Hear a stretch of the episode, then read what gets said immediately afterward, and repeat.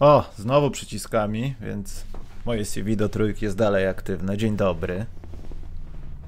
Dzień dobry. Karol, mam masę pytań dotyczącą, dotyczących naszych działów stałych, bo ja mam dużo rzeczy, do co nas wpienia. I musimy zrobić chyba w końcu powrót, co nas wpienia, bo złote dzbany widzę, że się nie przyjęły. Przyjęły się, ale się kandydatury skończyły. Znaczy, no niby się nie skończyły, nie? Moim zdaniem jest ich aż za dużo, tylko że one byłyby monotonne. I wiązałoby się z demonetyzacją. Dobrze, witam wszystkich. Chciałem powiedzieć, że nie będziemy. Co? Jest pytanie już jakieś na czacie. Eee... Możemy o tym, Karol, porozmawiać, chociaż nie wiem, czy chcesz, chociaż tutaj chyba nie ma o czym rozmawiać, bo nie wiem, czy widziałeś, Karol, na czacie, co Krzysztof napisał. Widzę właśnie. Bo tu chodzi ten George y, Floyd, to jest ten pan, którego, no można powiedzieć, bez ogródek zabiło dwóch policjantów, czy tam jeden bardziej w USA. Kolej, tak, kolejna ja, sprawa. Myślałem, myślałem o tym, że pewnie albo ty poruszysz, albo jakieś na czacie będzie pytanie, ale ja nie, nie, chyba nie chcę.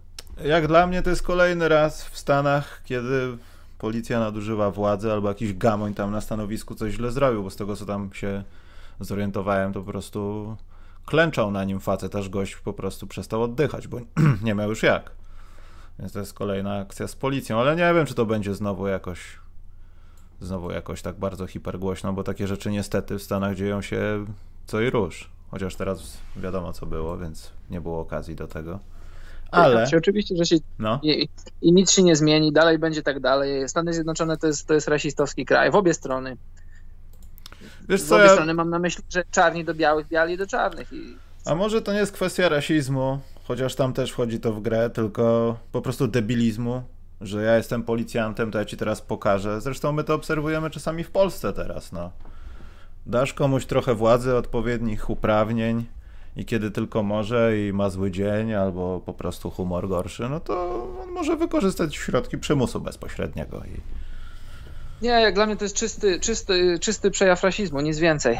Jak, bo wiesz, teraz no, taka jest okazja, że ludzie szeroko komentują wydarzenia w Minnesocie i bardzo często jest tak, że jak zatrzymuje się rutynowo jakiegoś tam białego przestępcę czy jakiegoś białego terrorystę, to się obchodzą z nim wręcz jak z jajkiem, a, a jeśli chodzi o, o czarnych mieszkańców Stanów Zjednoczonych, to często do, do błahej sprawy to się ich skuwa, rzuca na podłogę, na ziemię i nie, no bo jeżeli chcemy o tym dyskutować, to możemy, tylko że temat jest bardzo złożony. No, temat no, jest bardzo znaczy. Wydaje mi się. Zobacz, wydaje... ja, no. nie bronię, ja nie bronię policjanta, żeby nie było. Ja nie jestem rasistą, bo, bo podstawowe pytanie brzmi: co to jest rasizm? Czy uważasz, jeśli jesteś rasistą, czy uważasz, że, że rasa biała ma jakąś tam wyższość nad rasą czarną, no to wtedy nie ma dyskusji.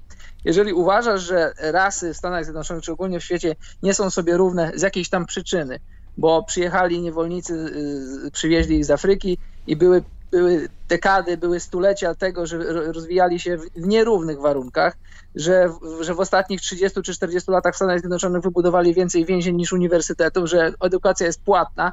Jeżeli policjant idzie do jakiejś akcji i widzi chłopaka w bluzie, w kapturze i widzi, że on jest czarnoskóry, to większe prawdopodobieństwo jest, że ten chłopak będzie miał nóż czy pistolet w związku z tym, że jest czarny, a nie jest biały, no takie są fakty. Ja nie bronię policjanta, ale wiem, że wiem, no wiem z, wiem z książek, wiem z filmów, wiem z różnych tam y, statystyk, że no, co by nie mówić, no, w, w takich w tych tak zwanych chudach, tych takich no, zamieszkałych przez czarną biedotę, no przestępczość jest, jest dużo większa niż, niż w odpowiednikach. Zresztą nie wiem, czy są w ogóle takie odpowiedniki, takie chudy dla, dla białych ludzi. No żeby nie wchodzić w ten temat za głęboko, to nie wiem, czy, czy chcemy o tym dalej dyskutować. Nie chcemy, bo y, no moim zdaniem nie ma tu niestety o czym rozmawiać, bo Karol, przypomnij mi, jak dawno temu koszykarze NBA i wszyscy zawodowi sportowcy w Stanach mieli napisane, no w większości sportowcy mieli napisane na koszulkach brief.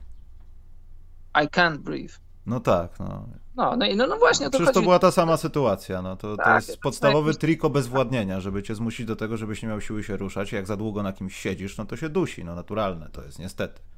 Raz na parę miesięcy, czy raz na jakiś czas będzie biały policjant zabijał czarnoskórego obywatela Stanów Zjednoczonych, będą wielkie akcje, będą politycy mówić, że to się musi skończyć, będą sportowcy mówić, że to się musi skończyć, będą czarnoskórzy aktywiści będą mówić, że to się musi skończyć. No przydałoby się, żeby się skończyło, ale się nie skończy. historia Stanów Zjednoczonych jest, jest napisana krwią czarnoskórych niewolników i, i, i nie wiem, czy. No ja nie, ja nie mam żadnej recepty na to, żeby, żeby to się skończyło. Krwią apaczów, bardziej bym powiedział. To ja, no właśnie, jest, jest, jest, y, historia Stanów Zjednoczonych jest napisana krwią niebiałych ludzi, o tak powiedzmy. Przecież przyjechali biali ludzie z Europy i wyrżnęli wszystko, co tam było, w pień. Bzyk napisał, rasy to mogą być psów, jesteśmy ludźmi kolorowymi, a tutaj rasistowskie tematy i pyk po pieniążkach z YouTube'a. Powiem ci, że w skali miesiąca mogą sobie wziąć te 12, 50 i jak dla mnie. Czas. Eee, dobrze, Karol. Poczekaj. Bo mi się coś tutaj poprzewijało. Będziemy teraz tutaj. Te, te piątki nie będą rasistowskie. Tutaj, Karol, mam wielu białych ludzi. Obawiam się, że będzie aż za dużo białych koszykarzy. Tak?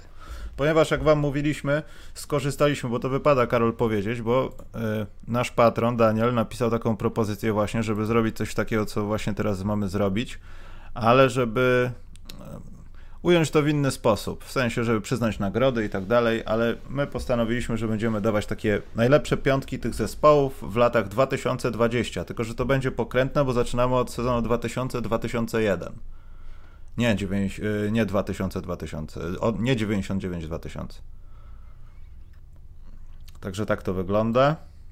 Różnicy to nie robi, ale warto, dobrze... Nie, robi różnicę, bo są tacy, co będą się zaraz wykłócać.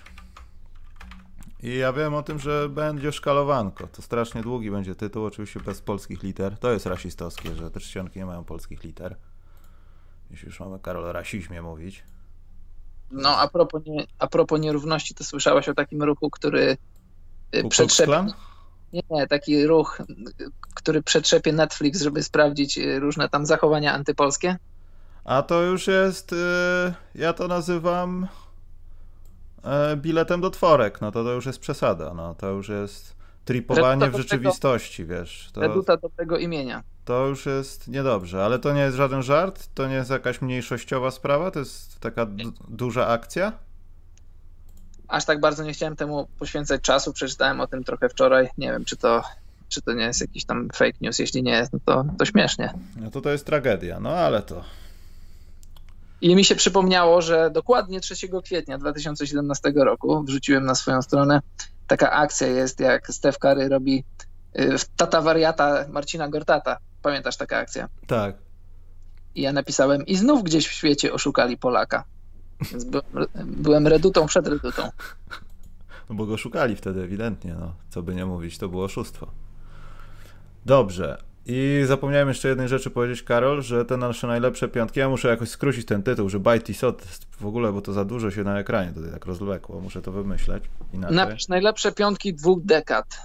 Nie, też będzie za długo. Na razie to zostawmy, bo ja nie mam takiej ilości kończyn, żebym to robił naraz. Więc yy, zrobiliśmy tak, że ustawiliśmy sobie tabelę w tych latach, jak gdyby ilość zwycięstw i tak dalej. Zaczynamy od dołu, czyli od tych najgorszych, którzy mają i według procentów. Jesteśmy jak PLK i według procentów będziemy rozstrzygać. I zaczynamy od tych najgorszych. Dzisiaj będzie 10 najgorszych i tak sukcesywnie będziemy się wspinać. Mhm.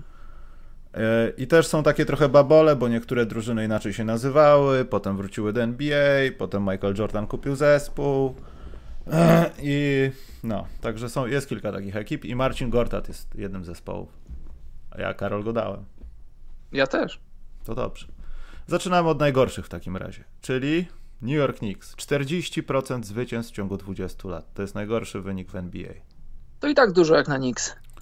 No i jak na to, co się wydarzało w tym zespole.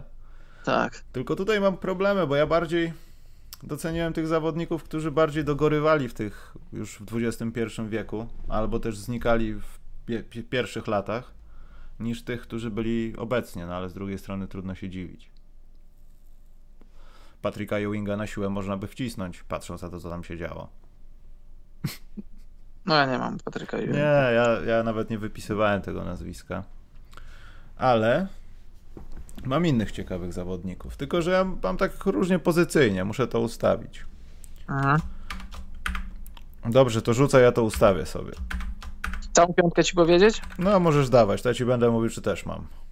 Dobrze, no to tak, mam Melo, Melo to jest no-brainer. No. Tak w, w Nowym Jorku różnie było, a jak Melo grał, to były z dwa dobre lata, w miarę dobre. Mam też Stademajera z tego samego powodu. Też mam. Mam, mam Stefana Marberego. Wprawdzie nikt się nie, wygry, nie wygrywali za jego, za jego tam panowania w Nowym Jorku, no ale chłopak... Ale, ale to była historia, chłopak z Nowego Jorku, to była no historia. O to, właśnie o to chodzi. Mam też no, to znaczy mogę mieć Sprewella, a jeśli, jeśli masz jakąś kandydaturę na, na pozycję rzucającego obrońcy, to, to tam chętnie. No chętnie czy niechętnie, po prostu Sprewell zagrał z tych 20 lat nowy, w Nowym Jorku, o których mówimy, no to zagrał ile tam zagrał? Trzy, które no. pasują do, do, do tego, do tej cezury czasowej. No i na centrze tu, tak jak mówimy, nie mamy Patryka Ewinga, bo to już była końcówka Patryka Ewinga. Ja wrzuciłem Kurta Tomasa, bo Kurt Tomas to, to była taka ostoja normalności, ostoja spokoju. Co by się nie działo, to, to Kurt Thomas poniżej pewnego poziomu nie schodził jako koszykarz i też jako, jako człowiek. Tak, i on nie był kompletnie taki błyskotliwy, pamiętam. On był jeszcze z tej generacji ludzi, że po prostu trzeba robić tak jak Marcin Gortat, odpowiednie rzeczy w odpowiednim czasie i możesz nie mieć kompletnie talentu do tego, co robisz. Tak, wychodzisz, robisz swoje i tam nie, nie robisz z siebie nie wiadomo kogo, nie robisz z siebie kogoś, kim nie jesteś stawiasz zasłonę, grasz w obronie, coś tam dobijesz, coś tam zbierzesz. Czyli wymieniłeś już pięciu? Tak. No to ja w takim razie mam też Sprewella, mam Marberego, mam Antonego. E, Amare wymieniałeś? Tak. E, to ich mam. Natomiast mhm. z Kertem Tomasem może bym się kłócił, bo też go miałem, ale mam łamane i tutaj właśnie jednego wstawiłem nie centra. No tak pomyślałem, może Jamal Crawford tak troszeczkę. Jak chcesz, to jest, wiesz, to jest Nowy Jork. Ale jednak on jest w, w drugim garniturze, bo ja wyrzucam jednak Tysona Chandlera.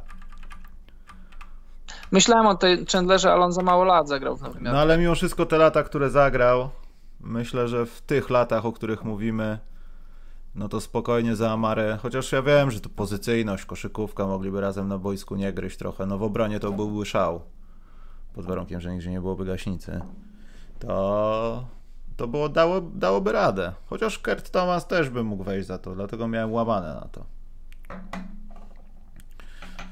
Bartek to, na czacie, no. pozdrawiam Bartka, Bartka Tomczaka, że David Lee, no jasne, jak najbardziej bardzo silna A, kandydatura. David Lee, ale to musielibyśmy wyrzucić kogoś z tej pozycji. Kto by to wyleciał?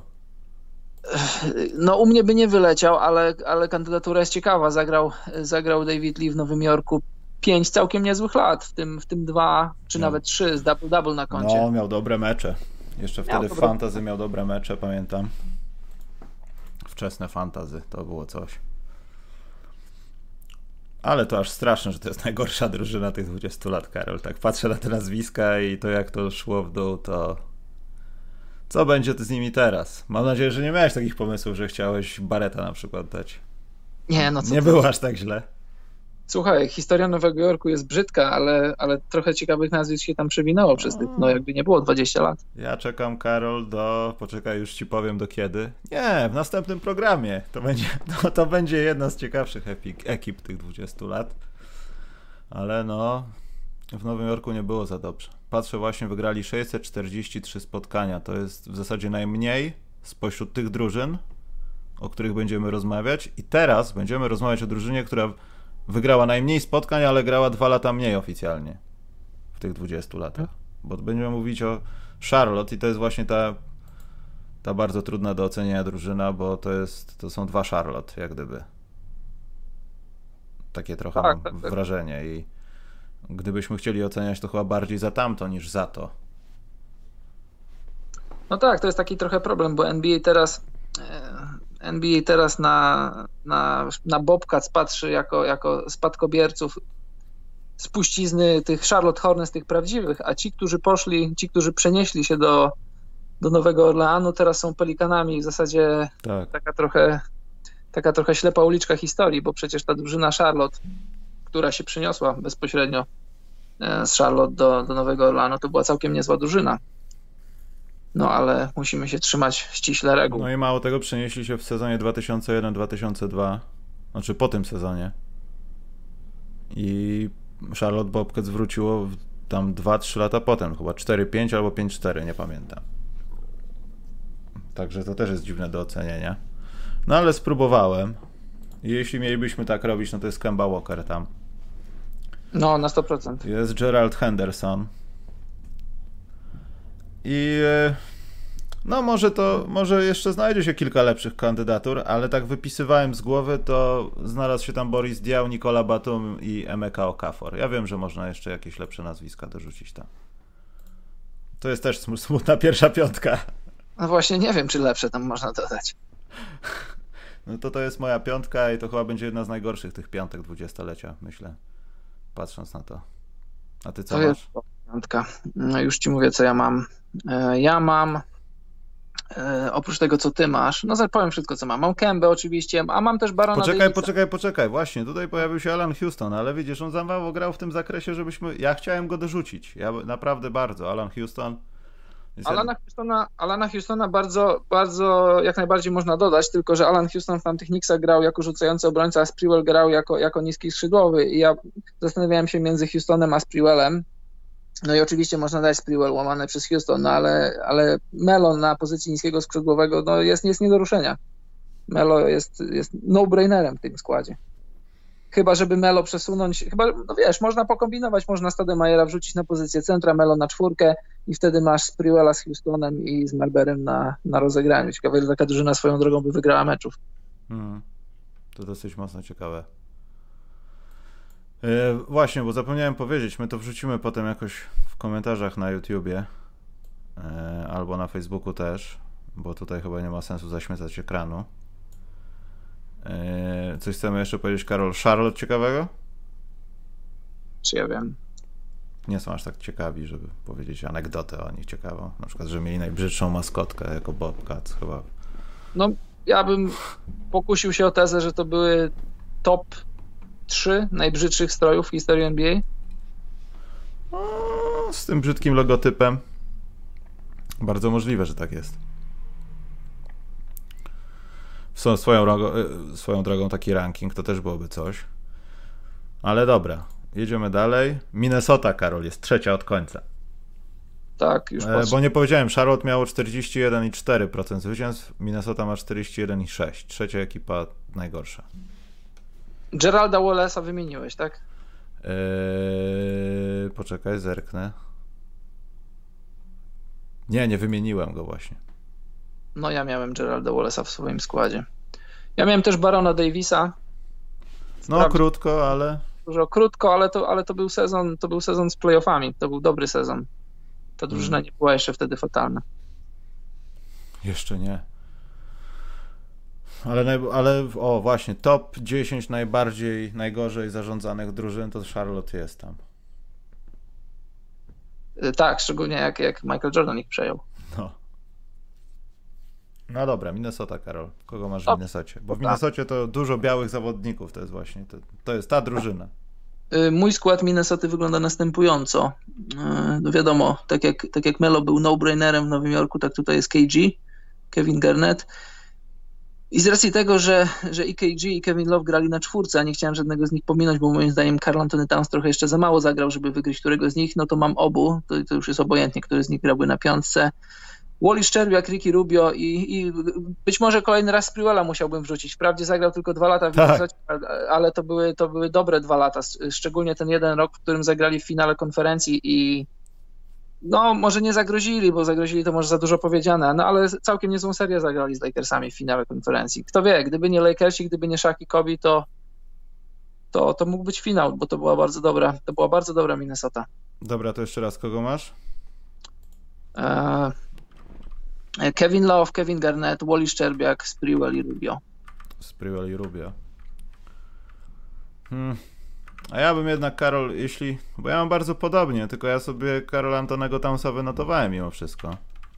No ja też go wynotowałem i wyszło mi, że żadnego sukcesu, trochę mało lat, no bo, no bo wiesz, Kevin Love też żadnego sukcesu, ale, ale statystyki robił niezłe i zagrał 6 albo 7 lat. Statystycznie, przynajmniej statystycznie niezłych. W no tym ale... 30-30. To wiesz co, to to w ten sposób to nawet, chociaż nie, no patrząc na sukcesy, to tak, no to nie ma absolutnie żadnej dyskusji. Ale taki Rashon Esterowicz grał jeszcze na początku XXI wieku. Tak, y, tak, tak. No Minnesota miała historię słabych centrów. Michael Olowokandi, Rashon Esterowicz. Nikola Pekowicz. Tak. Chociaż Pekowicz, czy on, czy aż było aż tak najgorzej, Karol? On podobno był bardzo silny. Nie pamiętam z kim rozmawiałem, z kimś, kto miał okazję z nim trenować, że gość był jak, jak tur. Bardzo silny. Jak tur. Jeszcze w Minnesocie też zastanawiałem się, ale to ze względów fantazy, ale to były raptem dwa dobre sezony. Ryan Gomez. Kojarzysz? Tak, tak, oczywiście. To był zawodnik. E, no to w zasadzie u mnie się pokryło, no tylko ja bym tego z tym Sprewellem, Sprewell też był wypisany, ale bardziej dla żartu, ale ja nie wiem, czy Karl Antony Towns po prostu z racji tego, że tam był, ma takie, a nie inne statystyki i jeszcze troszeczkę można w niego wierzyć, coś z tego będzie. Wierzyć jak najbardziej można, tylko że skład, to znaczy skład, no najlepszy skład dwudziestolecia. W moim odczuciu Kat jeszcze ma trochę za mało za mało doświadczenia w Minnesocie, za mało zagranych lat, żeby już wrzucać go jako, jako twarz dwudziestolecia ostatniego. Tym bardziej, że ta twarz aż tak nie zrobiła. Twarz dwudziestolecia. No to faktycznie, to chyba to zmienię zdanie swoje jednak. Ale to smutne, no Karol, jak na razie jesteśmy w drużynach, które miały, miały dobrych zawodników i to dawno temu. Miały mieć. No, no, no co zrobisz? No, no to są słabe drużyny, historycznie słabe drużyny. Z jakiegoś powodu są słabe. Wally Szczerbiak, no nie wierzę w to, Karol, że operujemy takimi nazwiskami. Wally Szczerbiak był bardzo dobrym graczem. Był bardzo dobrym graczem, to prawda. Jemu tak się kariera szybko posypała, nie tylko jemu, Sprewellowi też. No i biedny Kevin Garnett spędził całe życie w jednym miejscu i... Prawda, to prawda. Y, no dobrze, to, to u nas się pokrywa. Ja sobie skreślę. Niech będzie, nie będzie Karla Antonego Townsa, trudno ten Sprewell. Chociaż ja się zastanowię jeszcze na tym, ale Sprewell jak na razie zostaje. Ale teraz jest Karol Washington Wizards. Mhm. 42,7. To jest. Polskie akcenty. Polskie akcenty, mało zwycięstw, 20 lat historii, 1600 spotkań, Karol. I kto, kto tam? Tutaj będą kłótnie, bo u mnie nie ma Bradley'a Billa. Bo on jeszcze na to nie zasługuje, patrząc na, na osobę, która jest na jego miejscu. na środku mam, mam tego, nie Michaela, Marcina Tata. No. Na środku, to też chyba masz go. Tak, no, no, no, no. Na czwórce mam Antona Jamesona. Też mam. Bardzo dobrze. Jakby nie było, przynajmniej dwa albo nawet trzy występy w All-Star mm. w barwach Wizards i tam ci, tamten skład Wizards był całkiem niezły. Więc na niskim skrótowym muszę mieć Karona Butlera. Znaczy nie muszę, chcę go mieć. No i tak, rzucający obrońca Michael Jordan i rozgrywający Gilbert Arenas. No nie, serio? To ja nie mam Jordana. No, no tak, tak na serio, z przymurzeniem okna, wiadomo, Bradley Bill łamane przez Jordan z racji tego, że Jordan jest Jordanem i Arinas łamane przez Wall, bo, bo Arinas zagrał, zagrał jego kariera rozwijała się w stronę taką, że to jest człowiek na, na dyskusję, czy będzie w top 25 najlepszych koszykarzy w historii NBA. Nie przesadzam. Jeśli przesadzam, to sobie poczytajcie, poglądajcie stare mecze. A jeśli chodzi o Johna Walla, to jest cały czas dyskusja, czy on jest All-Starem, czy on się doczłapie do All-Star, czy, czy, czy on weźmie się sam w sobie i zagra sezon na poziomie All-Star. W przypadku Arinasa to, to, to, pytanie nie, nie brzmiało, czy on jest All-Starem, bo wiadomo, że nim był i szkoda, że, że kontuzje go zniszczyły.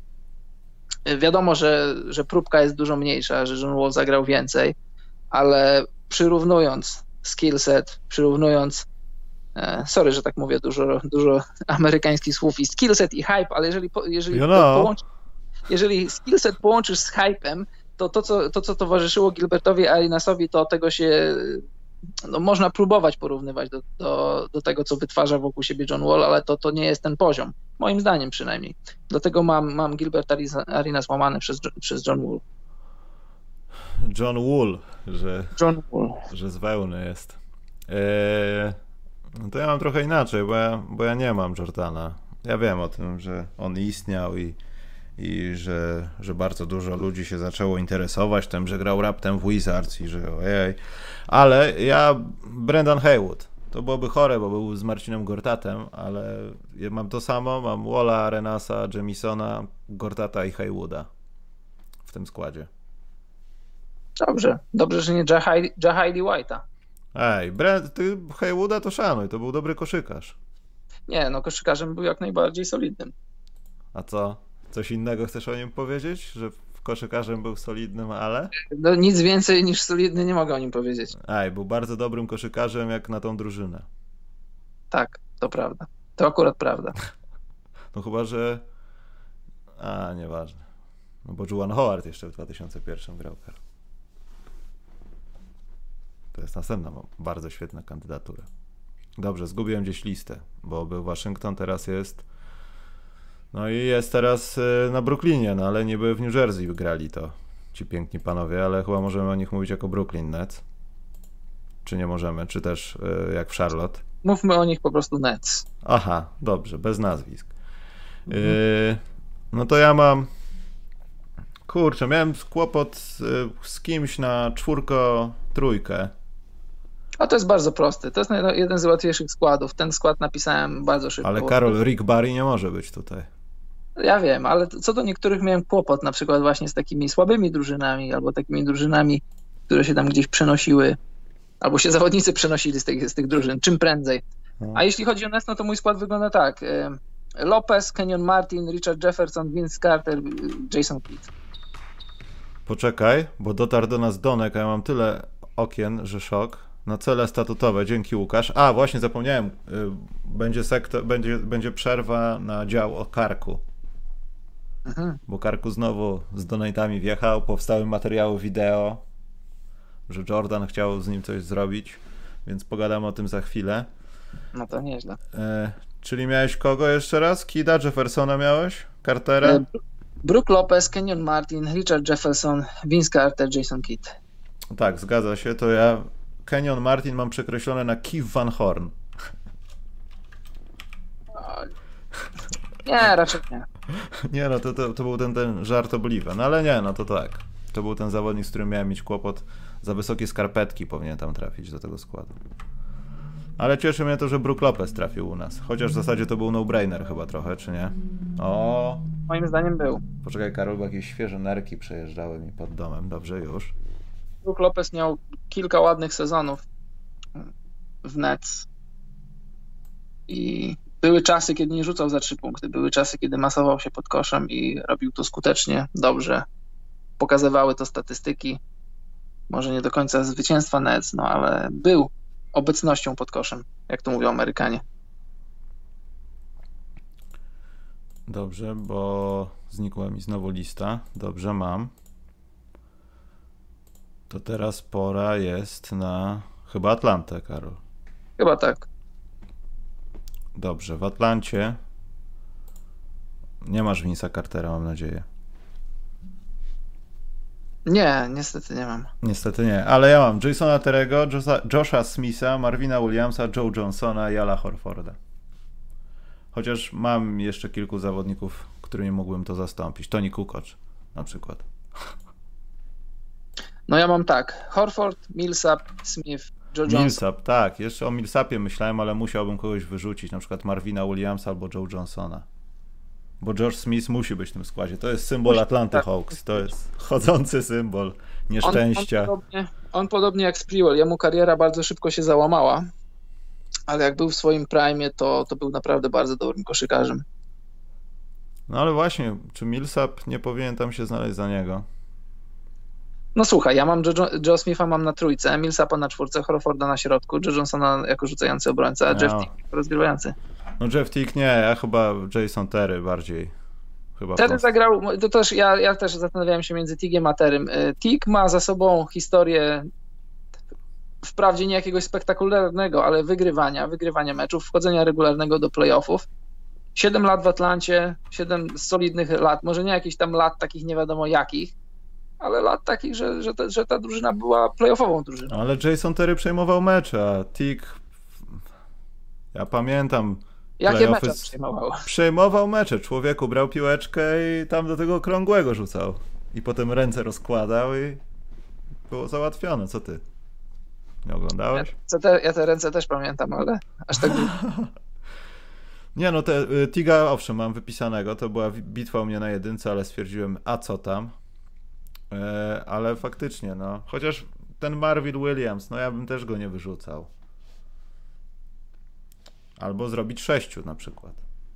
No tak, ale ponad kim miałbyś Marvina Williamsa? Cały czas ponad Millsapa. Za, za... Nie. Cały czas. Cały czas. Nie. Przez to, że gra długo w kosza, gra w Charlotte to trzeba doceniać takich zawodników. No to wrzuć go do swojego składu Charlotte Bobcats. Marvin Williams. Dobrze, tak zrobię. Dobrze, zapiszę sobie to twoje. Że ty masz tutaj Millsapa. Ja no też bym dał Millsapa, no to bardziej taki skład wspominek, skład wspominkowy z Marvinem Williamsem i zastanawiam się, kiedy powstanie dokument o Marvinie Williamsie. Czy słyszałeś, Karol, czy kiedykolwiek jakieś plotki albo jakiekolwiek ciekawe rzeczy o Marvinie Williamsie? Nie. No właśnie, ja też nie, a chciałbym, bo na pewno jakieś są. Właśnie teraz to sobie uzmysłowiłem. Czas na Sacramento Kings, Karol. Wiesz co, teraz no. mam jakieś takie y, takie przebłyski w głowie, że coś kiedyś czytałem na temat Marvina Williamsa i to mnie zainteresowało i zaskoczyło, bo jak myślisz Marvin Williams, to nie myślisz o ni zupełnie niczym. Nie, no nie przesadzałbym też. Myślę o zawodniku, który gra tak długo w NBA, że już jest przeźroczysty i wszyscy myślą, czy on dalej gra. O, rzucił mi właśnie trójkę. No tak, właśnie o to chodzi. Jest coś, jest przynajmniej jeden temat interesujący przy postaci Marvina Williamsa, ale w tym momencie nie pamiętam. Dobrze. Sacramento Kings, Karol. 24 miejsce na tej liście. Mhm. Y, kogo masz tam? Bo ja muszę wrócić do porządku okien. Divac, Weber, Też mam. Mike i Doug Christie. O, szanuję to, szanuję to. Mamy to samo. Nie ma żadnych no kazinsów. Dobrze. Tak się zastanawiałem, zastanawiałem się na przestrzeni lat, y, kto ewentualnie mógłby komukolwiek z tej piątki, którą wymieniłem, zagrozić. I na przykład, czy Kazins mógłby zagrozić y, Vlade lub Weberowi. Nie, nie mógłby, no bo to były statystyki puszczone w, w kosmos, tam się nic nie działo w Sacramento dobrego. E, kto mógł być za PS Stojakowicza? Ewentualnie Ron Artest, ale to no, większy sukces, większa próbka u, u Stojakowicza. Kto za Daga Christie? Też nie wiem. Nie mam nikogo takiego silnego. No, z jakiegoś powodu ta drużyna była słaba w ostatnim dwudziestoleciu. Nie było aż tak, nie, nie przewinęło się w tym składzie aż tak wiele talentu. No, no i Bibi. Zdecydowanie. To ja mam to samo. Jaron jeszcze nie zagrał na tyle dużo i jeszcze na tyle nie wygrał, żeby wygrać Bibiego. Jason Williams ewentualnie ten, który, ten, który pożegnał się z Sacramento. No właśnie. Miejsce, to, to, no to, ale no z Bibim, z Bibim Kings mieli większy sukces, więcej wygrywali, więcej razy byli w playoffach. I dalej zaczęli. I tak teraz, Karol, popatrzmy sobie, czy Sacramento Kings, ja nie pomijam teraz tam Bagleyów, to co się stało z Kazinsem, bo to trzeba oddzielić grubą kreską. Bo to była jakaś nadzieja dla Sacramento, no ale to ta nadzieja dalej się gdzieś tli, bo ona się jeszcze nie, nie urodziła tak naprawdę. Ale, pomijając wszystko, to Sacramento chyba jest najbardziej oszukaną drużyną tych, ostat... tych takich pierwszych lat XXI wieku. W sensie ja już nawet nie mówię o tych pojedynkach z Lakers, ale oni zawsze albo mieli takiego pecha, albo nie wiem, po prostu trafili na nieodpowiednią serię nieodpowiedniego przeciwnika i nie wiem, za szybko odpadli albo przegrali w zły sposób. A mieli naprawdę świetny skład. To takie trochę Portland, wiesz, ci zawodnicy skazani już na porażkę, Scottie Pippen, świetna drużyna, ale tak naprawdę nic poza tym. Tak, tak, tak, 100%. No, sezon 2001 na 2002, 61 zwycięstw, finał konferencji.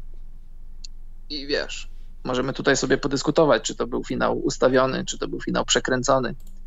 Dawno nie oglądałem tych meczów, musiałbym sobie odświeżyć pamięć. No i ten wielki rzut y, Roberta Orego, gdyby nie ten rzut, to, to Sacramento byłoby w finałach, co najprawdopodobniej, najprawdopodobniej oznaczałoby to, że zdobyliby tytuł, bo, bo w finale spotkali się Lakers z, z New Jersey Nets i, i, moim zdaniem i moim zdaniem tamto Sacramento było lepsze. Hmm. Więc można, można się pokusić o tezę, że że los, sędziowie, jakieś tam teorie spiskowe zabrały tamtemu składowi tytuł, jeden tytuł. Tak. Następny cel na naszej. Chociaż nie, teraz czas na karka jest, Karol. Dobrze. Ci, co śledzą naszego Facebooka, widzieli, że powstała przeróbka tego, co słucha Michael Jordan w autobusie przed swoim meczem ostatniego tańca. I okazuje się, że Karku żyje odpowiedział na to. Umieszczam pierwszy donate od Karka, bo były dwa. To jest legenda. Moim zdaniem Karol to jest chodząca legenda.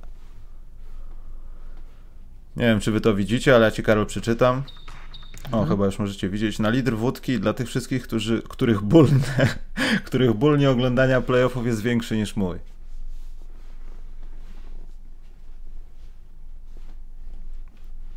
Roz... Już Karol, przetrawiłeś? Widziałem, tak, dziękuję. A ja drugi teraz. Bo to jeszcze nie koniec. I to jest słuszna koncepcja, bo ty też, Karol, to proponowałeś. Byłbym zapomniał. Na wódkę dla niedźwiedzia z warszawskiego zoo. Misiek miał nerwy ze stali, ja bym go chyba zagryzł. Propozycja do dzbana dla jego mościa, który wskoczył na ten wybieg.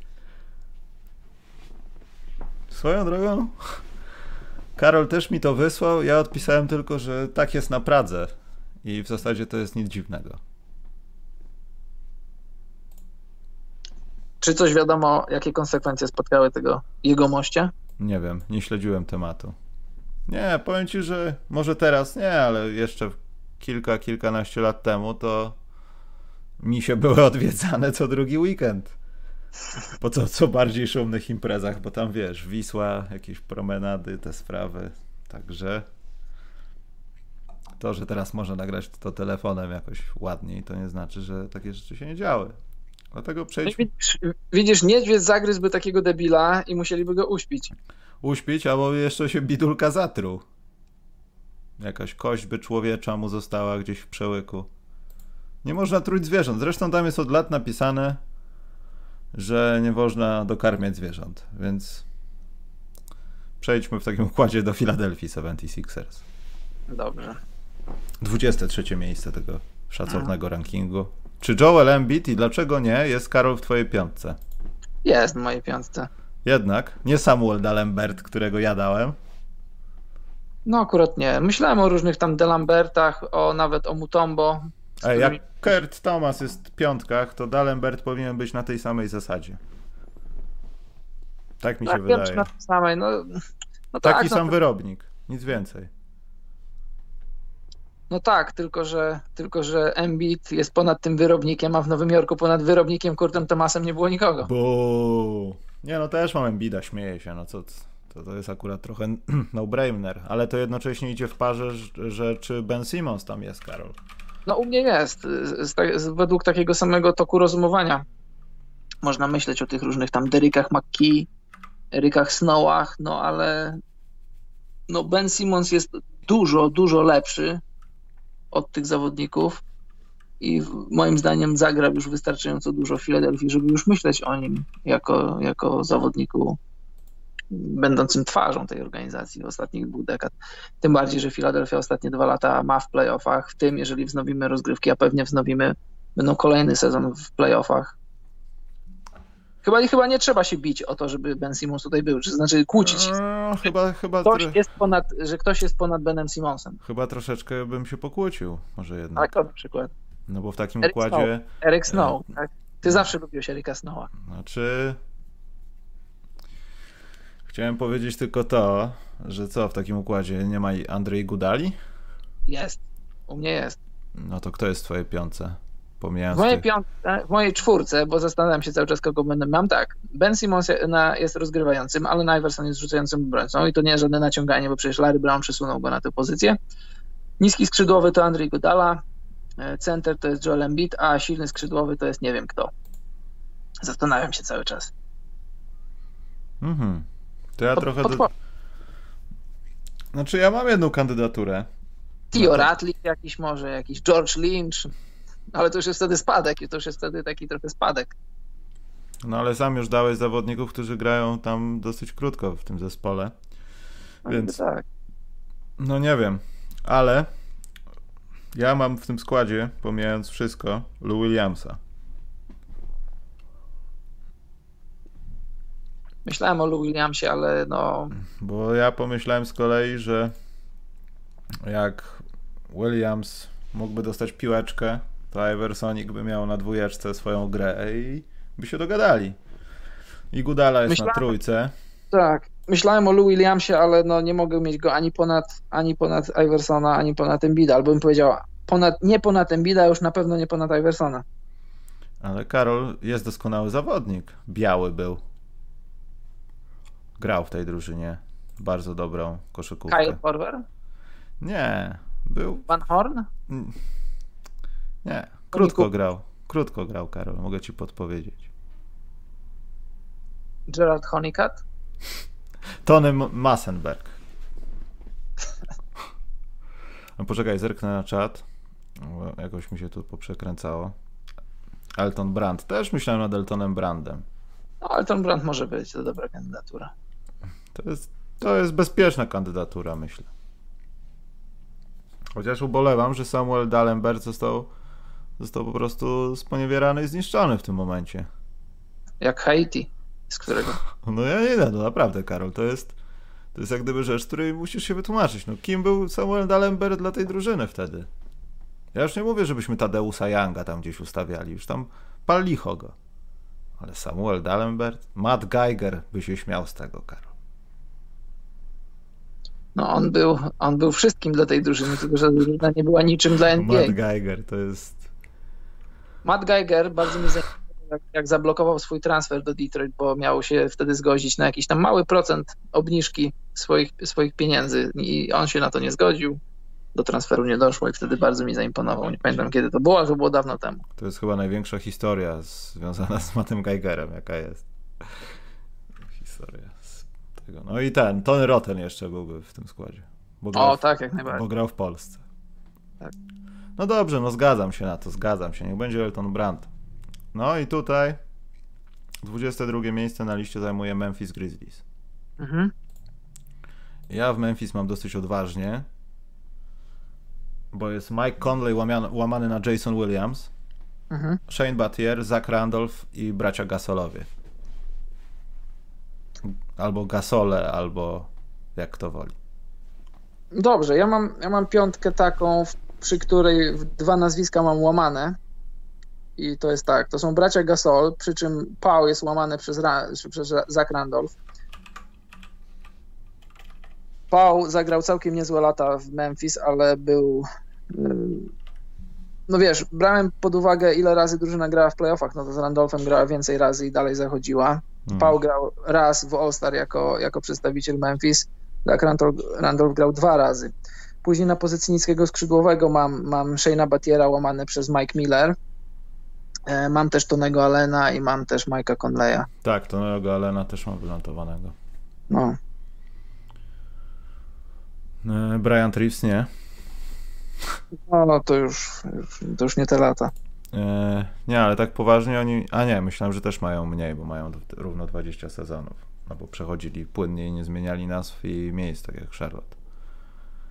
E, czekaj, bo mam jakąś dziwną sytuację. A nie, dobrze. YouTube po prostu mnie powiadomił, że świetna jakość jest.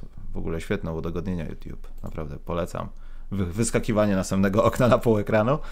Więc teraz jest kolejna skomplikowana drużyna, o której mówiliśmy.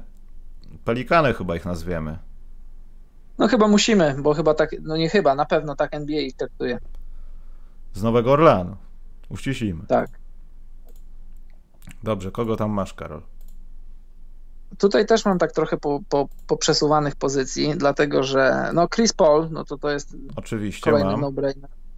I teraz tak, Alexisa Jinkcza.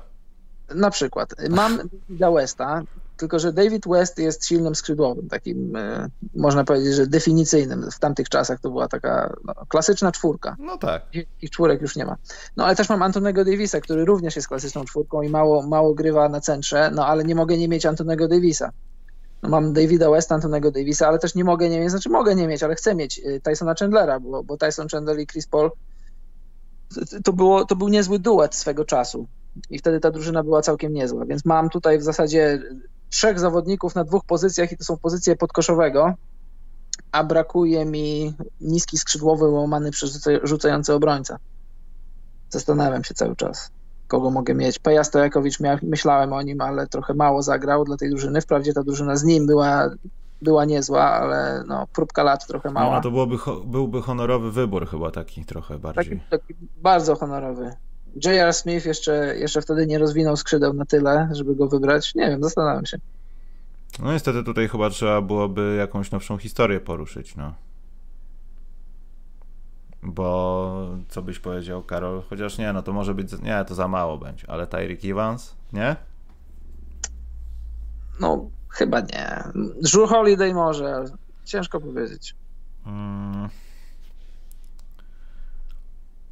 Żeby Chyba... był je... Ale poczekaj, żeby był jeden historyczny zawodnik, to możemy docenić tak. jego 9 punktów Russell Butler, no. To byłyby najbardziej docenione 9 punktów w historii. No, zdecydowanie. Pelikany nie mają, nie mają dobrej historii, jeśli chodzi o tych zawodników, dlatego po prostu damy to PJ Brownowi, Karol. PJ Powiem. Brown. PJ Brown będzie tam. Tam ktokolwiek może być. Tam może być Drew Holiday, wtedy żadne nazwisko by się nie pogrywało. Można też, też dać Barona Davisa. Wtedy by się Baron Davis pokrył, więc ewentualnie ja, no ja u siebie wrzuciłbym Drew Holiday'a. Tak? Dobra, to wymień jeszcze raz, ja sobie to zapiszę. Dobrze, no to tak. E, Chris Paul, Drew Holiday, to, to jest mój backcourt i mam taki wysoki, silny, podkoszowy front złożony z Davida Westa, Antonego Davisa i Tysona Chandlera. Dobrze. No to ja bym powiedział, że to pokrywam, tylko wstawiam gdziekolwiek PJ'a Browna. Proszę bardzo. Niech będzie, ma ktoś coś dobrego z historii tutaj. Chociaż Ryan Anderson, nie? Za mało? Karol? Za mało? No, opowiedzmy za mało i też jakoś nie jakieś takie super spektakularne mecze, nie jakieś tam historie do opowiadania. Tak myślę. Dobrze, mamy przerobione 10 zespołów tych najgorszych, powiedzmy. Kto, Karol, z tych wszystkich byłby najgorszy? Gdybyśmy na przykład mieli zrobić takie rozgrywki, żeby oni zagrali ze sobą, to kto by najbardziej ssał? Nadal Bobcats. Myślisz? Ja myślę, że Nix nie daliby rady kondycyjnie. Jest spora. No, ale, ale chwileczkę. Ale kiedy gramy? teraz, teraz gramy, ale teraz. nimi jak byli wtedy, rozumiesz? Ale wszyscy w prime, powiedzmy. Wszyscy w prime są. No to jeśli wszyscy w prime, no to Nowy Jork nie byłby najlepszy. Ale zaraz, w tym prime znaczy nie, inaczej, w żadnym prime. W tych momentach, kiedy oni byli tam wtedy w prime, bo na przykład A, nie był prime jest... Rattlera, ra, ra, tak, no, Rattlera. To już, jest, to już, jest, za dużo zaawansowanych danych, no, no bo właśnie. ten był tam już u schyłku swojej kariery. No ten, i o to chodzi właśnie. Więc, więc z, z wtedy. Z wtedy. Czyli z kiedy. Nie no, faktycznie Charlotte jest bez obrony chyba. Chociaż konkurowaliby mocno z Nowym Orleanem, bo tam oni by się pokłócili w Nowym Orleanie. Paul po paru podaniach do Davisa by stwierdził, że nie, albo gramy razem, albo ja gram sam, bo tak nie będziemy dłużej. Pojawia się wtedy ciśnienie. Ciekawe, co byłoby w Filadelfii, ale Iverson z Zembidem, jakby się dogadali. Piłka jedna jest, A trzeba właśnie. przypomnieć. I słuchaj, i masz tutaj tak, y, do, do Simonsa, do Simonsa i Embida jeśli ich spacingiem, którego potrzebują jak ryba wody, jest Elton Brandt, Godola i Iverson, to dalej to, dalej to nie rozwiązuje problemu. To jest jeszcze gorzej. No. Bo masz Simonsa, który potrzebuje piłki, żeby rozgrywać, masz Iversona, który potrzebuje piłki, żeby żyć. To, to, to jest yy, najlepszy skład Filadelfii z ostatnich 20 lat jest idealnym obrazem tego, jakie problemy ma dzisiaj Filadelfia. To jest, to jest hmm. dużo talentu, dużo dobrze zbudowanych ciał, no licząc Iversona i, i jeszcze mniej spacingu. Ale też tutaj Łukasz napisał na czacie, to jak nikt przed tym rokiem piątka PF-ów. Ale też w tym, powiedzmy, zestawieniu też widać jakąś kulturę tego, jak te zespoły starały się dobierać swoich zawodników obojętnie od tego, czy... Bo ja nie chcę mówić, że to jest jakaś zasada, ale Karol, pewnie to zauważyłeś, że te takie tradycje zostają gdzieś tam w organizacji. Że w sensie, jeśli zawsze mieliśmy dobry skład ze skrzydłowych, to cały czas staramy się wykorzystywać ten patent. Jeśli mieliśmy gdzieś dobrego rozgrywającego, no to staramy się to jakoś kontynuować, bo dalej mamy zawodników, albo nasz dział scoutingu starał się pozyskiwać takich zawodników, żeby pasowali do takiego, takiego systemu albo takiego, takiego rodzaju grania. Mhm. I to przez to też widać, że te, przez te 20 lat mogło się nie za wiele zmienić w niektórych zespołach. To będzie ciekawy eksperyment. A jak już dojedziemy na samą górę, to co to będzie? Tam to będą kłótnie, wyzwiska, obelgi. Ja podejrzewam, że będzie się działo. Golden State Warriors jest na 12 miejscu w ostatnim tym dwudziestoleciu, także będzie mhm. chyba za program również. Coś mówiłeś? Nie, mówiłem, że zgodziłem się, że będzie Aha. ciekawie. Dobrze, to chyba czas na pytanka. Sprawdźmy, co tam nasi słuchacze nas pytają. Bzyk pyta na czacie, czy Jamal Mashburn. Tak, bardzo ciekawa kandydatura. Tym bardziej, że grał dla obu drużyn, które tutaj się kwalifikują. Tak, kilku takich graczy jest i będzie zresztą. On się zarówno kwalifikuje do tych nominalnych Hornets, czyli Charlotte Hornets, ale też do tych, do, do Pelikanów, bo grał w drużynie, która przeniosła się bezpośrednio z Charlotte do, do Nowego Orleanu. Tak, w ogóle warto, warto czasami wracać do tej historii trze, trzech panów J. Tak. Z Dallas. Tak, tak. To jest ciekawa sprawa. Jak to działało, jak to się rozsypało. Przecież to, był, to, był, to było takie big free, ja nie chcę mówić jedno z pierwszych, ale takie... Jim Jackson, Jason Kidd, Jamal Mashburn. Takie trochę też wybrane sobie w drafcie i przy transferach, ale mimo wszystko świetna sprawa to była. Oni za bardzo wyprzedzali swój czas. To jeszcze nie był ich czas. Jakby y, urodzili się 20 lat później, to. A, panie.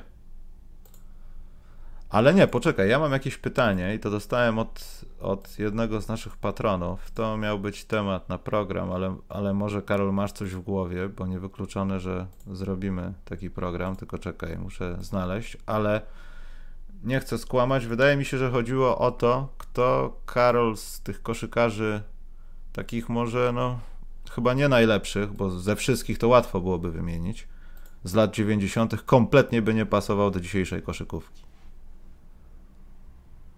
Z gwiazd, czy...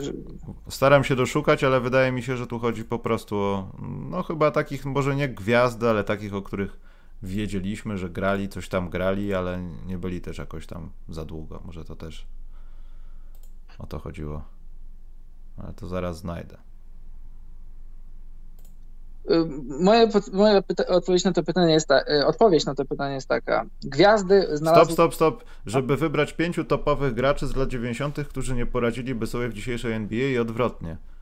Czyli pięciu topowych graczy z obecnej, których by nie dało. Ale to już pal sześć w drugą stronę, ale z tych stamtąd do dziś. Słuchaj, y, że, jeżeli chcemy rozwinąć ten temat, żeby był ciekawy, to na siłę możemy znaleźć i, i, i dać po kilka argumentów, dlaczego tak by było. Ale moja odpowiedź na to pytanie jest takie. Gwiazdy, największe gwiazdy lat 90., największe gwiazdy lat dzisiejszej koszykówki bez problemu odnalazłyby się y, tamte gwiazdy dziś, dzisiejsze gwiazdy tam i nie chcę słuchać żadnych bzdur na temat tego, że dzisiejsza liga jest miękka, na temat handcheckingu i różnych innych bzdur. Talent odnajdzie się wszędzie, bez względu na to, jakie, jakie, są, jakie są warunki gry, jak się gra w obronie, jak się gra w ataku, jakie są zasady, jakie są przepisy, jaka jest interpretacja przepisów przez sędziów. Y, nie, nie, nie twórzmy teorii spiskowych, że dzisiejsza koszykówka to jest jakaś, y, że nie twórzmy teorii spiskowych, że to, co się działo w koszykówce lat 90., a to, co się dzieje dziś, nie jest kontynuacją i nie jest tak jakby rozwojem koszykówki. Jest, owszem jest. A to, że koszykówka dzisiaj wygląda tak, jak wygląda, to wygląda tak, dlatego że y, w roku 2000, powiedzmy 2000, 99, 2001, 2002 E, David Stern i jego ludzie pomyśleli, że coś tu jest nie tak. Ta koszykówka trochę nie idzie w dobrą stronę, jeżeli po dogrywce wynik brzmi 87 do 83 po dogrywce, w finałach. Były momenty, były lata w NBA, kiedy talent się dusił, bo drużyny wkręciły sobie, znaczy trenerzy sobie wkręcili, w ogóle managementy sobie wkręciły, że e, lepiej jest nie stracić punktów, niż je zdobywać. I, i też trochę mitem jest, że, że była taka super żelazna obrona. Oglądaliście ostatnio Last The Last Dance, to mieliście pewnie okazję sobie pogrzebać na YouTubie, oglądać całe mecze. Nie chodziło o, że obrona była jakaś super tytaniczna, po prostu były makabrycznie wolne tempo gry z tego brały się te niskie wyniki, a nie z tego, że, że, że ta obrona była taka fantastyczna. Więc moja odpowiedź na to pytanie jest taka. Gwiazdy, bez względu na to, z jakiej ery by się ich, no nie mówię o latach 60. czy 50., gdzie nie było w ogóle atletyzmu, ale mówimy o latach 90., że gwiazdy, skądkolwiek byś ich nie wyjął, do jakichkolwiek realiów byś ich nie wrzucił, to by się odnalazły. Czy Sean Bradley był gwiazdą? Na moje standardy nie. To by sobie nie poradził. No Sean Bradley mógłby sobie nie poradzić. Wydaje Sean mi się, Bradley... że jedyną odpowiedzią jest to, i tu też jak no, już użyję imienia Maciek, zapytał, bo też w tym pytaniu jest druga sprawa, jak w drugą stronę by było. To ja też przychylam się do tego, że to w zasadzie wszystko jedno, ale z tych takich pozycji centra to ludzie by sobie nie radzili, bo albo by nie dostawali piłki, albo byliby takim objawieniem jak nagle Dwight Howard, który śpi w trzech sekundach i czeka na piłkę.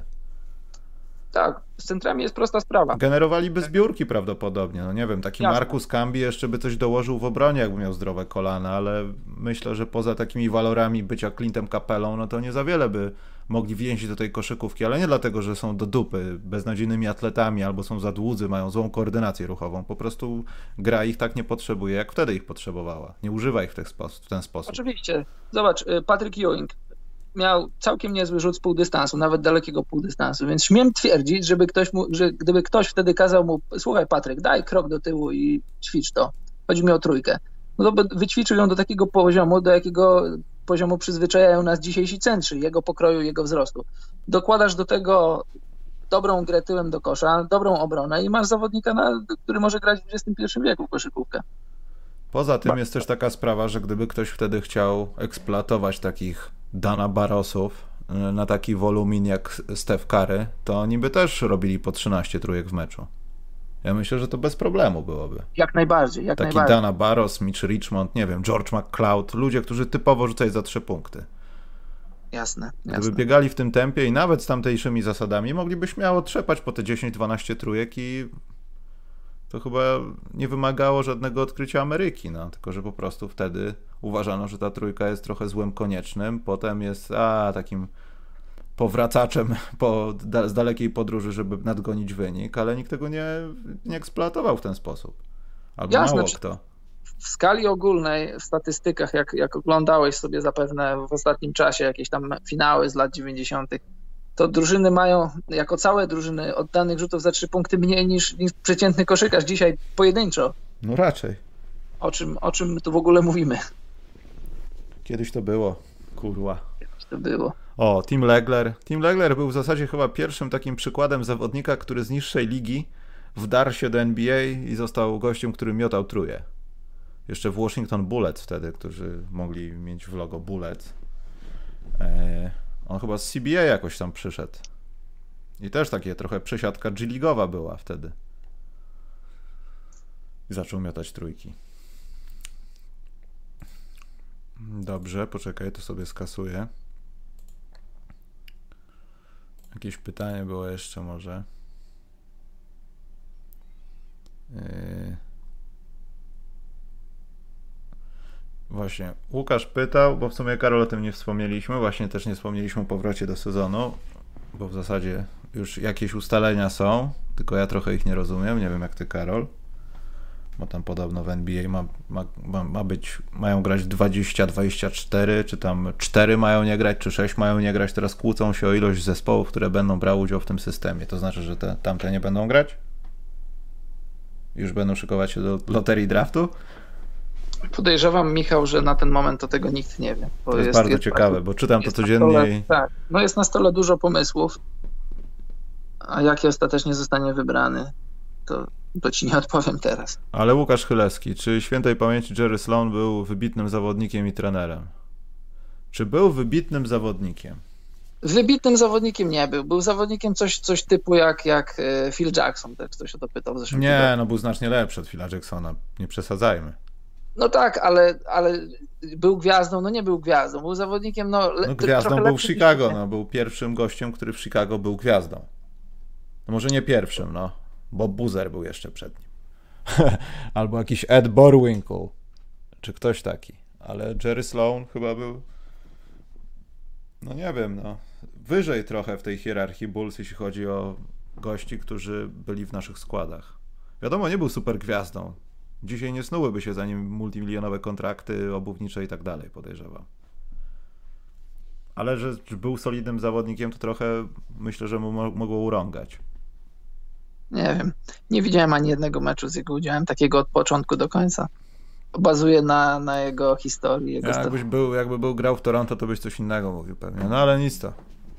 A ty oglądałeś jakiś mecz z Jerrym, z Jerrym Ja właśnie chciałem powiedzieć o tym, że to jest jeden, kolejny z tych zawodników. Ja oglądałem kilka spotkań z tamtych sezonów, żeby po prostu kiedyś wiedzieć o tym, kim byli tacy ludzie jak ten nasz wcześniejszy buzzer i tak dalej, ale ja nie, nie da się chyba obejrzeć całych sezonów z tamtych czasów. Można obejrzeć bardzo dużo spotkań, ale to na pewno nie będzie całość, jakieś playoffy pewnie i tak dalej, nie wiem, jakieś ważniejsze mecze z kimś tam, bo jakaś inna gwiazda była w drugiej drużynie i to też jest problem w ocenianiu takich zawodników, bo owszem, w stosunku do tych, nie wiem, lat 50., 60., no to jest i tak, i tak lepiej, ale mimo wszystko z, myślę, że za mało można tego obejrzeć. No właśnie o to mi chodzi, że za mało tego możesz obejrzeć, a co możesz wyczytać tego, co ktoś o nim powiedział albo napisał ze statystyk, to, to, to raczej nie oddaje. Ale trenerem? Pech. Co by się z Karol stało, gdyby on jednak wygrał z tym Chicago? Miałby mistrzowski tytuł, myślę. I myślę, że dyskusja na jego temat. Mm, ja wiem, że Phil Jackson jest bardzo wysoko w tej hierarchii, ale myślę, że skróciłby dystans, bo też Jerry Sloan był takim trenerem, że co z tego, że ty dużo wygrałeś, dużo masz świetny rekord trenerski, ale poza tym to masa dobrych wspomnień, nic więcej. To prawda. Słuchaj, o, o się nie mówi źle. Ja nie chcę o nim mówić źle, ale mam taki mały problem z Jerrym Sloanem, no bo jesteś dobrym trenerem, robisz system w drużynie, który, który dobrze działa przez lat kilkanaście. I to jest świetnie działający system. Gdyby nie Chicago, gdyby nie Jordan, to, to Utah by miała dwa tytuły, tego jestem pewien. I też jestem przekonany o tym, że gdyby Bulls przegrali Game 6, to, to w siódmym by nie wygrali. Ale mam jeden problem z tego meczu właśnie szóstego, 98 finału. Zobacz, yy, komentatorzy przed meczem mówią, że Scottie Pippen jest kontuzjowany. Scottie Pippen schodzi do szatni raz czy nawet dwa razy. I dlaczego, dlaczego Jerry Sloan trzyma się swojego game planu, swojego systemu, który nie zawodził go przez lata, no, dzięki któremu dostał się do finałów, ale dlaczego oni nie próbują nie próbują atakować Scottiego Pippena, dlaczego nie próbują go olewać w ataku i na przykład cały czas się skupić na Jordanie, cały czas się skupić na ludziach, którzy ewentualnie od podań Jordana mogą, mogą żyć. Scottie Pippen nie istniał w tym meczu i to, to, widzia, to widać było po pierwszej akcji, jak tam wiesz, y, wsadził piłkę, to były jego pierwsze dwa punkty, wsadził piłkę i, i ewidentnie widać, że, że nie może się ruszać. Hmm. I, I zastanawiam się, czy ktoś, słuchaj, czy ktoś mi powiedział z jego asystentów, czy on sam, słuchaj Jerry, atakujmy Pipena, Pipen nie istnieje, atakujmy Pipena i w obronie i w ataku go niszczmy.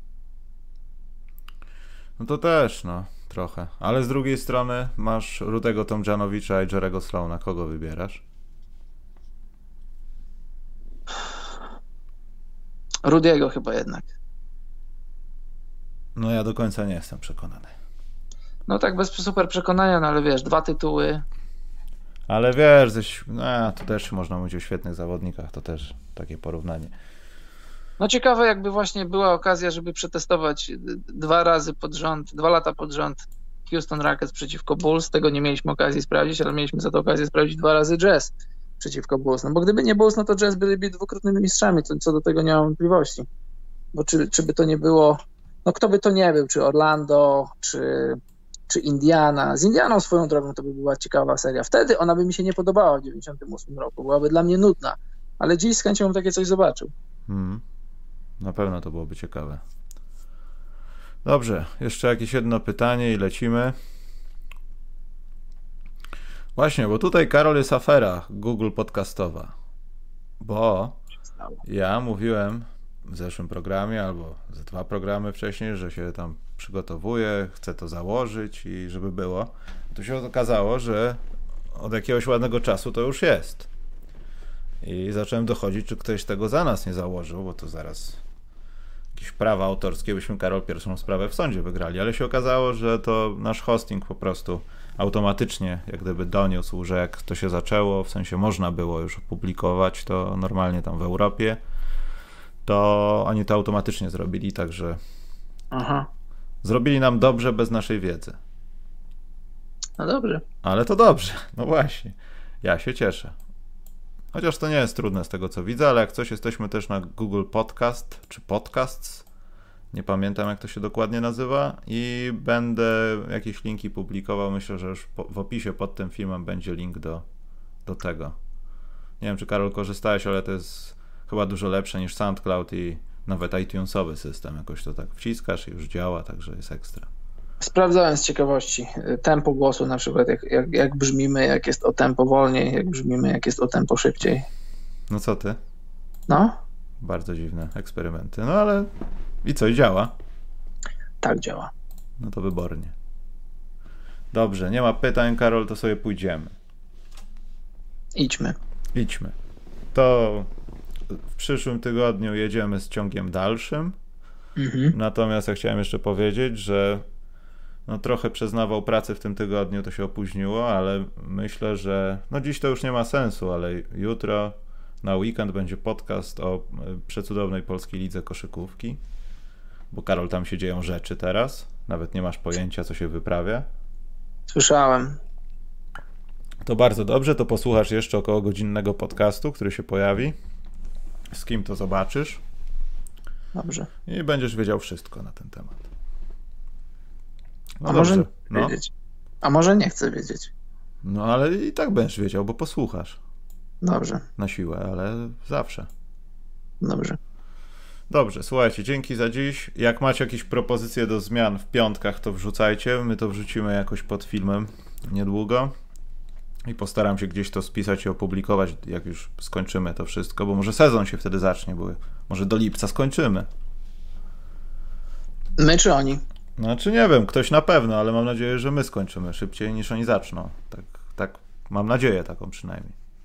No, pewnie tak będzie. Dobrze, trzymajcie się, dzięki za donki, dzięki za dzisiaj. Karol, czas na twoją kwestię i lecimy.